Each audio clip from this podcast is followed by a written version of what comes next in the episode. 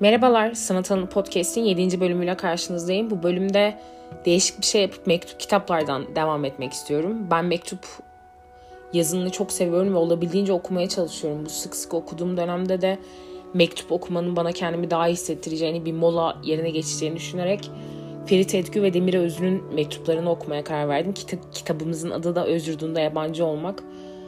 Zaten kitabın adını gördüğün an kitapla bir bağ kurmuş oluyorsun. En azından bu podcast dinleyenlerin de aynı şekilde hissettiğine eminim. Çok uzun süredir hepimiz öz yurdumuzda yabancı hissediyoruz ve bunu 50 kuşak yazarlarından okumak da insanı bir nebze üzmüyor değil.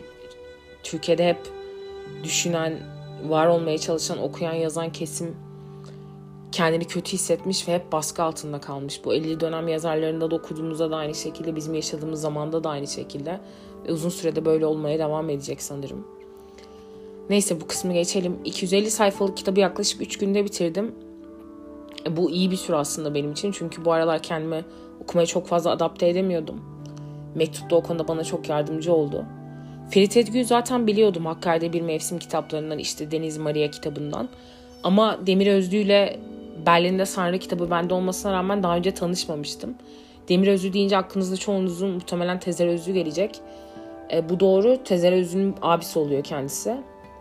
Ama kitapta bir kısımda Tezer Özlü'den bahsederken e, Demir Özlü Ferit Edgü'ye diyor ki Tezer Özlü'nün Tezer'in yazar olmasına senin katkın büyük diyor. Bu açıdan da çok nitelikli bir dostluk olduğunu anlayabiliyoruz zaten. Ben de sürüp giden duygu kitabı okurken böyle şans eseri yolda biriyle karşılaşırsınız ya da hayatınızın bir döneminde çok abesli iş, iştigal yerde biriyle karşılaşırsınız ve çok iyi dost olursunuz ya ben de aynen öyle hissettim. Çok uzun süre yeni tanıştığım biriyle konuşmuş gibi hissettim kitapta da. Seviyeli, ömürlük, harika bir dostluk yaşamışlar gerçekten. E, kitapta da zaten e, bu yılların bölünüşünü de görüyoruz ve bağ kurdukları kentleri de görüyoruz. Şu an okuduğumuz ve ulaşabildiğimiz kitapların o yazın sürecini de çok iyi görüyoruz. E, bu açıdan Türkiye'de yayın evlerinin gelişmesini, yayın hayatının oturmasını, daha doğrusu oturmamasının süreçlerine de en yakından tanıklık etmiş oluyoruz. O derecede ortak bir dünya görüşü, dil ve uslup var ki kitaplar, hitaplar, konum bilgileri olmasa da tüm mektupların bir kişiden çıktığını düşünebilirsiniz. O kadar güzel ve iç içe geçmiş bir dostluktan bahsediyoruz.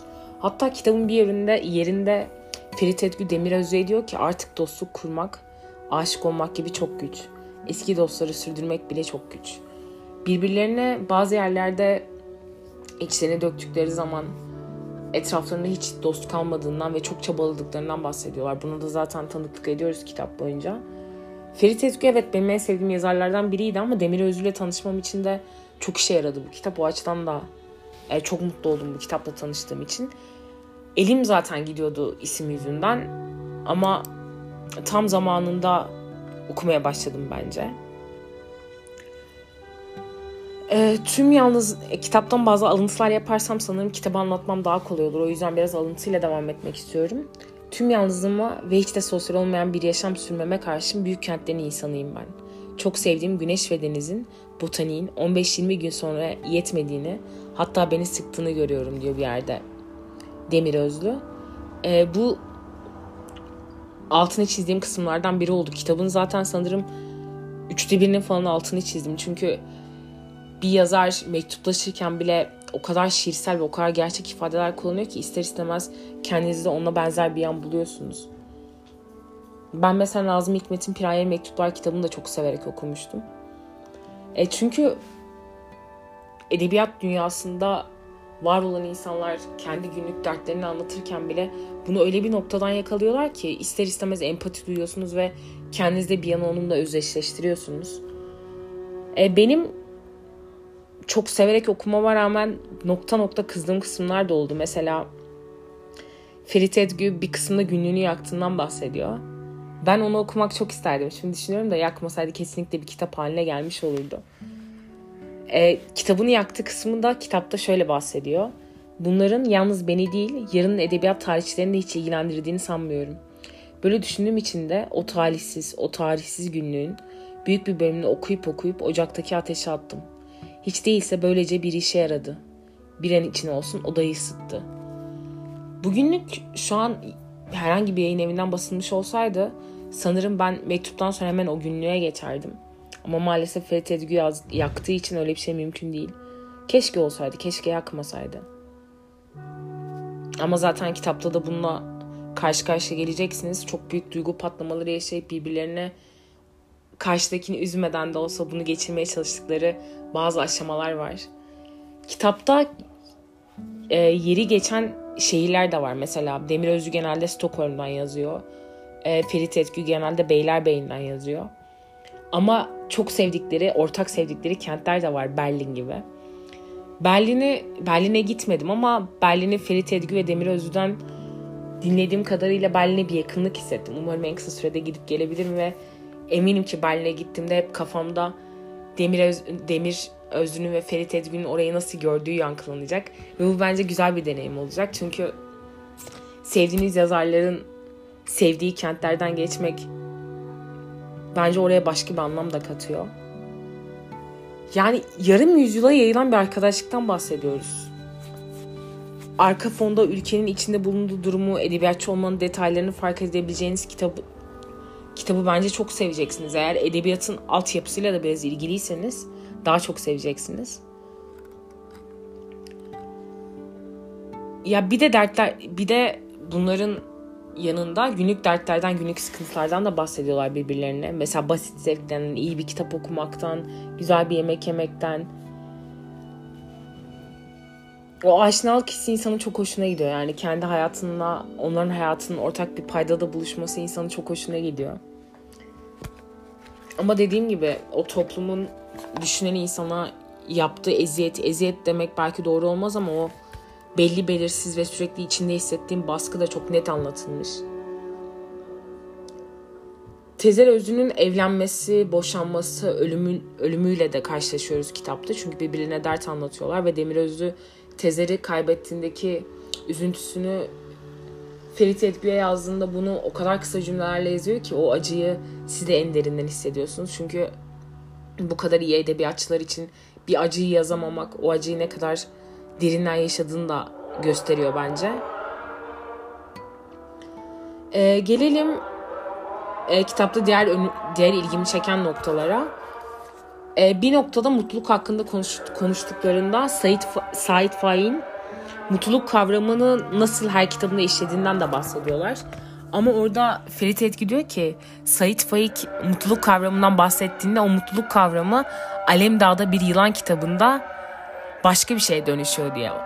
E, bu da aslında Said Faik kitaplarını okuduğumda bundan sonra benim aklımda olacak.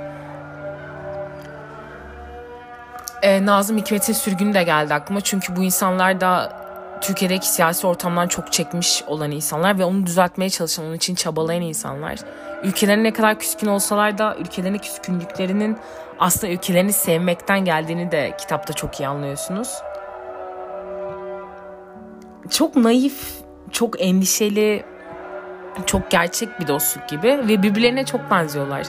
Birbirlerine çok benzedikleri için de insan ikisinin yerine de kendini çok rahat koyabiliyor dili kullanış tarzları, o kibarlıkları o kadar hasret kaldığımız bir şey ki aslında bana şunu da düşündürttü. 50 yıllarda aslında gerçekten daha bir centilmenlik vardı ve bu insanları çok yakın bir zamanda kaybettik. Bu insanlar şu dönemde olsaydı bu siyasi ortama, bu atmosfere, bu kabalığa dayanabilirler miydi ya da bunun karşısında var olabilirler miydi onu da çok merak ettim. bu şekilde ben kitabı çok beğendim. Mektup kitapları çok sevdiğim için de olabilir. Umarım siz de çok beğenirsiniz. Bu kitap içinde anahtar sözcüklerimi söylemek istiyorum podcast kapatmadan önce. Dostluk, bağ, yolculuk, aitlik, yabancılık. Birkaç tane de alıntı söyleyeyim ondan sonra kapatalım yayını. Bunu ilk altını çizdiğim cümle kitapta benim şu an bir yurt dışına gitme işim var ve karar aşamasındayım. Belki de bana o yüzden bu çok alt, altı çizilecek bir cümle gibi gelmişti.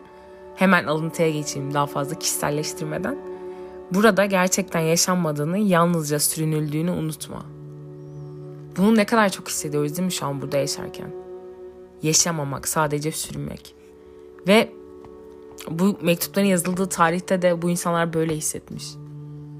Muhtemelen bundan 10 yıl sonra da belki bir şeyler düzelse bile hala o rafta kalma hissini hissedeceğiz hep beraber.